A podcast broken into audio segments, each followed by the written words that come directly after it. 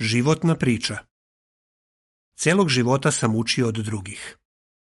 Ispričao Louis Bren. Bio je mrkli mrak. Moj puk je bio ulogoren u planinama Alžira gde su se vodile žestoke borbe. S mitraljezom u ruci čuvao sam stražu zaklonjen džakovima peska. Odjednom se začula buka kao da se neko brzo približava. Sledio sam se od straha. Imao sam 20 godina i nisam želeo da poginem, ani da nekoga ubijem. Povikao sam, Bože, pomozi mi. Taj zastrašujući događaj je bio prekretnica u mom životu, jer sam tada odlučio da bolje upoznam stvoritelja.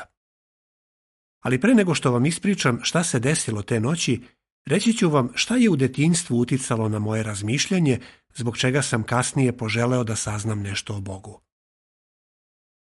Šta sam naučio od oca?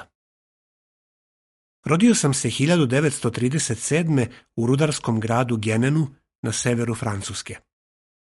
Moj otac je bio zaposlen u rudniku uglja.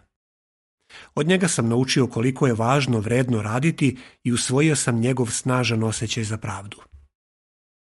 On se zalagao za prava rudara koji su radili u veoma lošim uslovima – zato se pridružio sindikatima i učestvovao je u štrajkovima. Ljutilo ga je i licemerstvo koje je video među sveštenstvom. Mnogi sveštenici su živjeli u izobilju, a ipak su tražili hranu i novac od rudara koji su jedva sastavljali kraj s krajem. Njihovo ponašanje mu je bilo toliko odvratno da me uopšte nije poučavao o religiji.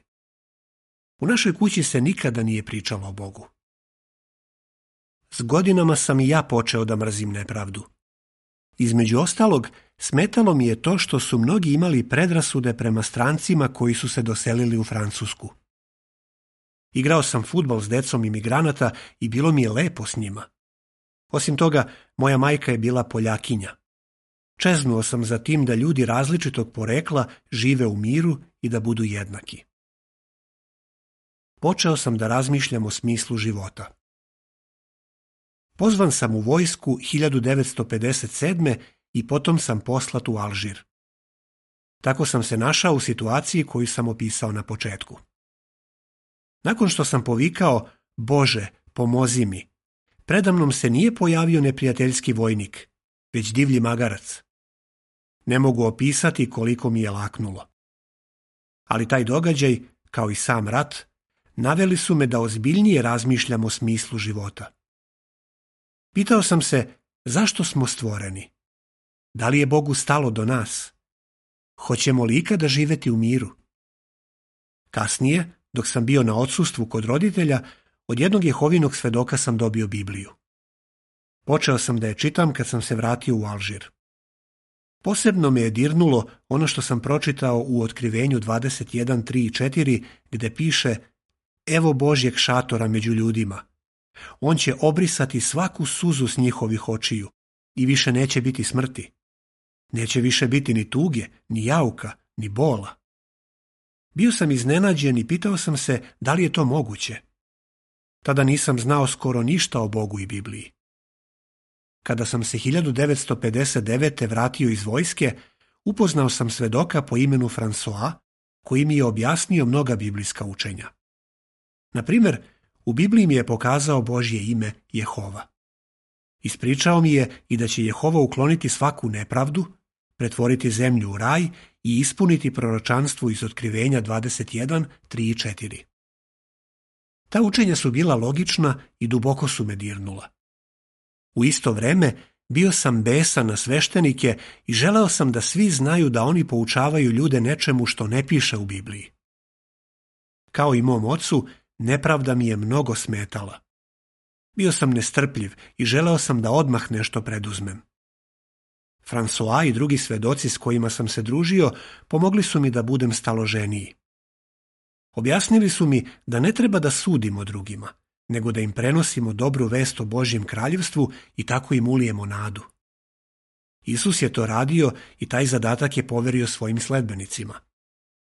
Također je trebalo da naučim da ljubazno i taktično razgovaram čak i sa onima s čijim se verovanjima ne slažem. U Bibliji piše Gospodov rob ne sme da se svađa, nego treba da bude blag prema svima.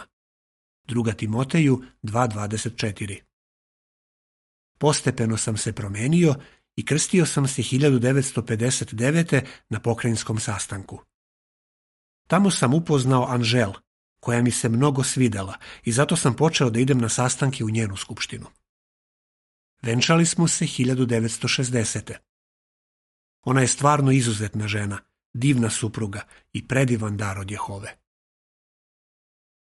Mnogo sam naučio od mudre i iskusne braće. Kako su godine prolazile, mnogo sam učio od mudre i iskusne braće. Jedna od najvažnijih pouka je ova. Da bismo uspešno obavili bilo koji težak zadatak, moramo biti ponizni i primjenjivati savjet iz poslovica 15.22 gde piše Namjere uspevaju kad ima mnogo savjetnika. Uverio sam se koliko su te reči istinite kada sam 1964. počeo da posećujem skupštine kao pokrajinski nadglednik da bih hrabrio i jačao braću. Tada sam imao 27 godina i pošto sam bio neiskusan, pravio sam greške. Ali trudio sam se da učim iz njih. Iznad svega, mnogo su mi značili saveti zrele i iskusne braće. Sjećam se nečega što se desilo kad sam tek počeo s pokrajinskom službom. Nakon posete jednoj skupštini u Parizu, jedan zreo brat me je pitao da li može nasamo da porazgovara sa mnom, što sam naravno prihvatio. Pitao me je, Luj, kome lekar pomaže, zdravima ili bolesnima? Odgovorio sam, bolesnima. On mi je rekao, tako je. Ali primetio sam da si ti najviše vremena proveo sa onima koji su duhovno jaki, kao što je nadglednik skupštine. U našoj skupštini ima mnogo braći i sestara koji su obeshrabreni, novi u istini ili stidljivi. Njima bi mnogo značilo ako bi im posvetio vreme, možda tako što bi otišao kod njih na ručak. Savet tog dragog brata bio je odličan i sasvim na mestu. Dirnula me je njegova ljubav prema Jehovinom stadu. Zato sam progutao svoj ponos i odmah počeo da primenjujem njegov savet. Zahvalan sam Jehovi što imamo takvu braću. Na dva međunarodna kongresa koja su 1969. i 1973. održana u Kolombu, predgrađu Pariza, služio sam kao nadglednik odeljenja za hranu. Na kongresu 1973. koji je trajao pet dana, trebalo je nahraniti oko 60.000 ljudi. Blago rečeno, pomisao na to mi je bila zastrašujuća. Ali i ovog puta Ključ za uspjeh su bile poslovice 15.22. Traži savjet od mudrih. Obratio sam se za pomoć braći koja su imala iskustva u nekoj grani prehrambene industrije. Neki od njih su bili mesari i kuvari, a neki su se bavili uzgajanjem povrća i nabavkom. Udruženim snagama uspjeli smo da obavimo taj težak zadatak. Moja supruga i ja smo 1973. pozvani u Betel. Prvo zaduženje koje sam dobio bilo je prilično zahtevno.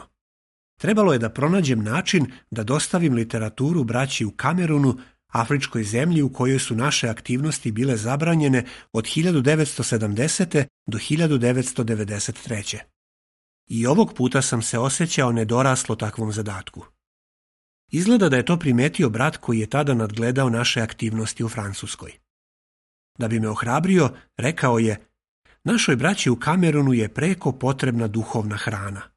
Hajde da se pobrinemo da ona dođe do njih. To smo i uradili. Da bih se sastao sa starešinama iz Kameruna, nekoliko puta sam putovao u neko od okolnih zemalja. Ta mudra i razborita braća su mi pomogla da učinim sve što je potrebno kako bi duhovna hrana redovno stizala u Kamerun. Jehova je blagoslovio naš trud. U narednih 20 godina do njegovog naroda u toj zemlji je stiglo svako izdanje stražarske kule i naše službe za kraljevstvo. Mnogo sam naučio od svoje divne supruge. Od samog početka naše veze primetio sam da Anžel ima puno lepih osobina. Te osobine su još više došle do izražaja u braku. Na primjer, uveče nakon našeg venčanja, zamolila me je da Jehovi u molitvi kažem da kao bračni par želimo da mu služimo u što većoj meri. Jehova je uslišio našu molitvu. Anžel mi je pomogla i da se još više uzdam u Jehovu. Evo jednog primjera. Kada smo 1973. pozvani u Betel, oklevao sam da to prihvatim, jer sam voleo pokrajinsku službu. Ali ona me je podsjetila da smo svoj život predali Jehovi. Zar onda ne treba da prihvatimo svaki zadatak koji nam njegova organizacija poveri? Nisam mogao da se ne složim s njom. Tako smo došli u Betel. Anželi je mudra, razborita i svim srcem voli Jehovu. Tokom svih ovih godina koliko smo zajedno, te njene osobine su ojačale naš brak i pomogle nam da donosimo dobre odluke. Sada kada smo u poznim godinama, Anžel mi i dalje pruža veliku podršku. Primjera radi, zajedno smo se trudili da poboljšamo znanje engleskog kako bismo mogli da pohađamo neku od škola koje se u okviru naše organizacije održavaju na tom jeziku. Zato smo prešli u skupštinu na engleskom jeziku, iako smo tada imali oko 75 godina. Pošto kao član odbora podružnice imam puno obaveza, nije bilo lako naći vreme za učenje jezika ali Anžel i ja smo pomagali jedno drugom. Iako sada imamo preko 80 godina, i dalje se pripremamo za sastanke i na engleskom i na francuskom. Trudimo se i da što više učestvujemo na sastancima i u službi. Jehova je blagoslovio naš trud da naučimo engleski. Mnogo smo se obradovali kada smo 2017. pozvani da pohađamo školu za članove odbora podružnice i njihove supruge u obrazovnom centru u Patersonu u državi New York. Jehova je stvarno veličanstveni učitelj. Zato je sasvim razumljivo što svi mi, i mladi i stari, dobijamo najbolje moguće obrazovanje. Primetio sam da mladi koji prihvataju savete od Jehove i od iskusne braće i sestara donose dobre odluke i verno služe Jehovi kad odrastu. U poslovicama 9.9 smo podstaknuti Pouči mudroga i bit će još mudriji. Pouči pravednika i znaće još više. Ponekad se setim one mračne, strašne noći u planinama Alžira. Od tada je prošlo oko 60 godina. U to vreme nisam ni slutio šta ću sve lepo doživjeti u budućnosti. Celog života sam učio od drugih. Zahvaljujući Jehovi, Anžel i ja imamo lep i ispunjen život. Zato želimo da i dalje učimo od našeg nebeskog oca i od mudre i iskusne braće i sestara koji ga vole. Kraj članka.